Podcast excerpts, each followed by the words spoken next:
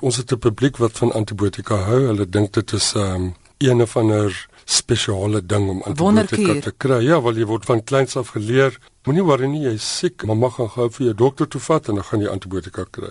En so word jy gekondisioneer. Daar's party infeksies wat ons nie meer kan behandel. Geef my voorbeelde. Gewone gram-negatiewe goggas soos E. coli wat al hierdie bestandheidsgene versamel en op die einde dan 'n bloedinfeksie gee wat ons nie meer kan behandel. Hoe lank gaan ons die gebruik van antibiotika hê as ons voortgaan om antibiotika te misbruik op die manier wat ons tans doen? Daar is van Hawedoff in Amerika verskeie modelle wat nou al uitgewerk is en dit word vermoed dat in 25 jaar se tyd gaan daar omtrent tussen 10 en 100 miljoen mense per jaar doodgaan omdat hulle nie kan behandel word.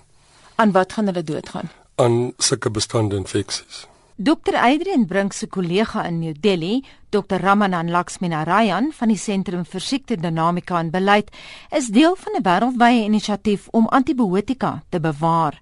Hy glo ons het minder as Brink se voorspelde 25 jaar se gebruik van die wondermiddel oor indien ons nie ons misbruik daarvan drasties beperk nie. The problem is really that big. Uh, let's make no mistake about it. We cannot continue to use and misuse and abuse them in the ways that we have for the last 60 years. And if we continue to do that, we're not going to have any drugs to treat bacterial infections in as little as 5 to 10 years. In many instances, we don't anymore.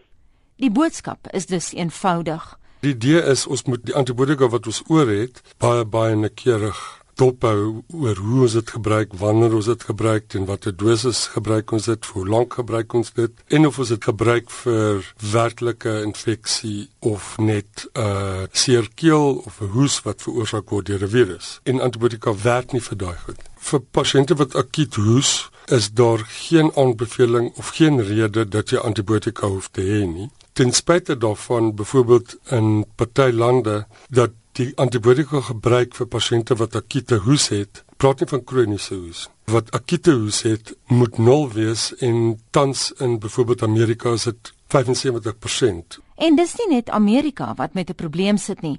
In Suid-Afrika plaas Jan en San publiek groot druk op hulle dokters om onnodiglik antibiotika voor te skryf die publiek wat 'n bietjie koors het en een of ander non-spesifieke virale infeksie het en een van die simptome is akute hoes sal aanhou om 'n dokter te besoek of ander dokters te besoek totdat hulle antibiotika daarvoor kry.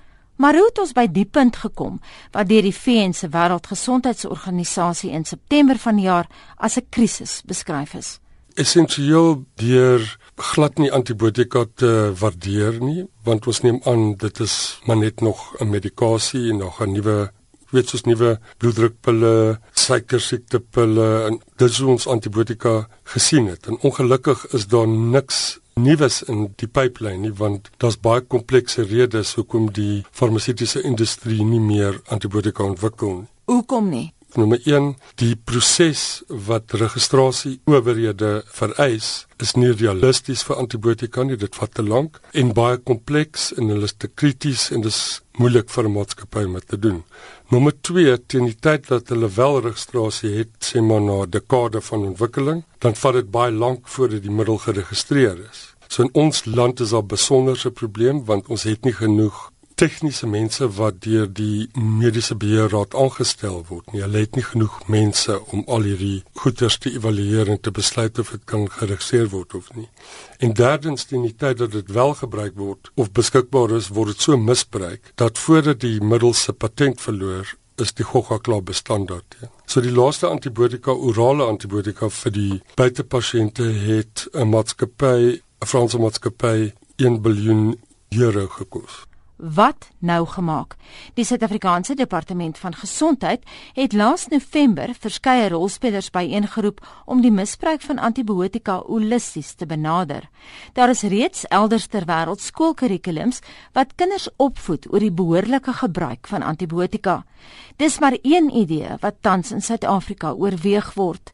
Die landbousektor is ook belangrik in die antibiotika stryd, maar dis hier waar die knoop lê. Die departement van gesondheid volgens wet kan nie vir die departement van landbou sê om antibiotika gebruik in die landbouindustrie te stop nie. soos wat hulle wel nou in Europa gedoen het. En jy kan dit nie heeltemal stop in elk geval nie want baie keer het jy varkboere of skaapboere of hoenderboere wat dan eh, daar's 'n uitbraak van een of ander gogga en hulle moet dan op 'n groot skaal tonne antibiotika gee. So as jy kyk na antibiotika gebruik, is dit die prinsip van 80-20.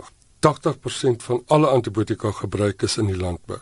Verskeie planne is in wording, onder meer die heropleiding van Suid-Afrika se medisy en in die verband word daar reeds met die dekans van verskeie mediese fakulteite by universiteite gepraat. Een van die probleme wat ons het is dat die huidige dokters wat heidaglik praktiseer het geen toegang tot opleiding nie. So ons probeer oorweeg of dit nie moontlik is dat hulle 'n kursus moet doen om 'n lisensie te kry om antibiotika voor te skryf. Dis wat jy 'n drywerslisensie kry, jy moet kwalifiseer om 'n antibiotika voor te skryf. En as jy dit nie doen nie, dan kan jy dit nie doen nie. Al is jy reeds 'n dokter, moet ja. jy nog steeds 'n ekstra lisensie kry. Dit is ons plan. Met party state in Amerika sal van die eerste lande in die wêreld wees wat so iets doen. Wanneer kan ons dit hier begin doen? Ons het al klaar die eerste weergawe van 'n webgebaseerde opleiding is nie baie moeilik nie. Dis basiese prinsipe klaar by die bewaringsorganisasie gesien.